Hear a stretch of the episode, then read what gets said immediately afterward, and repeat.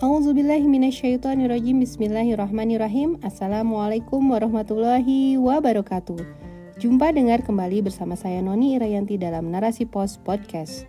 Narasi Pos cerdas dalam literasi media Bijak menangkap peristiwa kunci.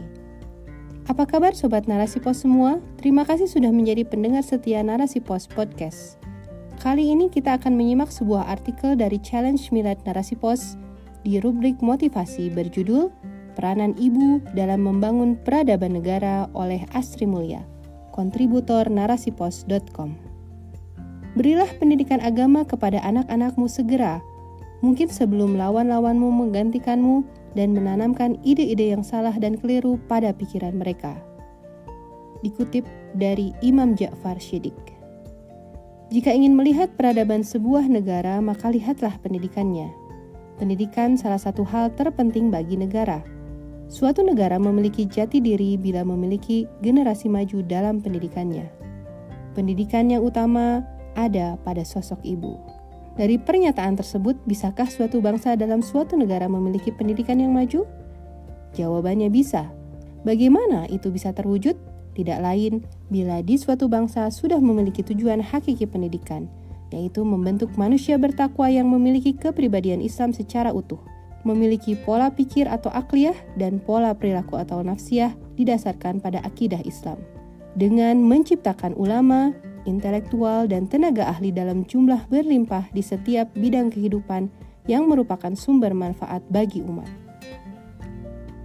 Hal itu akan menjadikan bangsa menjadi negara terdepan, kuat, dan berdaulat karena Islam menjadi ideologi dalam sistem pemerintahan negaranya di mana pendidikan Islam memiliki visi menghidupkan generasi dan peradaban emas melalui sistem pendidikan kelas dunia. Sebagaimana pernyataan Dr. Nazrin Nawas, Direktur CMO, sistem pendidikan kelas dunia membutuhkan suatu sistem politik kelas dunia, yaitu yang merangkul sebuah visi politik yang jelas, tinggi dan independen bagi negaranya dan bagi dunia. Sistem politik kelas dunia ini adalah khilafah yang berdasarkan metode kenabian – yang mengimplementasikan keyakinan, hukum, dan sistem Islam secara komprehensif di dalam sebuah negara yang memimpin dunia belasan abad dalam keunggulan institusi-institusi akademik, juga inovasi-inovasi dan penemuan yang mutakhir serta kontribusinya yang sangat besar terhadap pembangunan manusia. Dari pernyataan Dr. Nazri Nawas tersebut, sebelum mencapai pendidikan kelas dunia, yang perlu diperhatikan adalah pendidikan utama anak dari seorang ibu, karena ibu adalah orang tua utama yang mempersiapkan generasi suatu negara bisa terwujud. Diutamakan pendidikan seorang ibu pada anaknya bukan mempersiapkan untuk bekerja, mendapatkan materi semata, hingga akan terjebak dengan orientasi kapitalisme. Namun seorang ibu dituntut dan bertanggung jawab membentuk kepribadian Islam pada anaknya agar memiliki sakofah Islam yang kuat, memiliki fondasi agama yang kuat, menjadikan anak beriman dan bertakwa hingga mencapai derajat taat, memiliki fisik kuat dan tangguh, bermanfaat pada lini kehidupan, serta memberikan kebaikan pada umat. Seperti apa bentuk sakofa Islam? Sakofa Islam adalah pengetahuan-pengetahuan di mana akidah Islam menjadi sebab dalam bahasanya. Ada tiga cakupan bahasannya, di antaranya satu, Akidah Islam berupa hukum akidah Islam itu sendiri seperti ilmu tauhid, Firman Allah dalam Quran Surat Anis ayat 36 yang artinya, Dan sembahlah Allah dan janganlah kamu mempersekutukannya dengan sesuatu apa pun, dan berbuatlah baik kepada kedua orang tua, karib kerabat, anak-anak yatim, orang-orang miskin, tetangga dekat dan tetangga jauh, teman sejawat, ibnu sabil dan hamba sahaya yang kamu miliki. Sungguh Allah tidak menyukai orang yang sombong dan membanggakan diri. 2 pengetahuan yang dibangun atas dasar akidah Islam seperti fikih, tafsir, hadis, Al-Quran, siroh nabawiyah, fikih siroh, dan tarikh Islam. 3. Pengetahuan yang terpancar dari akidah Islam berupa hukum-hukum di mana ijtihad mewajibkannya seperti ilmu bahasa Arab, mustalah hadis, dan usul fikih. Hadis ini menjelaskan perintah untuk orang tua agar mendidik anak-anaknya terlebih dahulu tentang keimanan agar taat kepada Allah dan takut bermaksiat kepadanya. Oleh Ibnu Jarir dan Al-Munzir dari hadis Ibnu Abbas radhiyallahu anhu bahwa Nabi Shallallahu alaihi wasallam bersabda, Ajarkanlah mereka untuk taat kepada Allah dan takut kepadanya, serta suruhlah anak-anakmu untuk menaati perintah-perintahnya dan menjauhi larangannya. Karena hal itu akan memelihara mereka dan kamu dari api neraka. Berilah pendidikan agama kepada anak-anakmu segera mungkin sebelum lawan-lawanmu menggantikanmu dan menanamkan ide-ide yang salah dan keliru pada pikiran mereka. Imam Jafar Ashidik maka sosok ibu sangat berpengaruh bagi anak-anaknya, membentuk kepribadiannya. Ibu diharuskan memberikan pendidikan terbaik karena ibu adalah madrasah utama sebelum anak memasuki dunia sekolah. Persiapkan konsep diri dan menstimulasi positif pada anak mulai usia dini 0 sampai 6 tahun.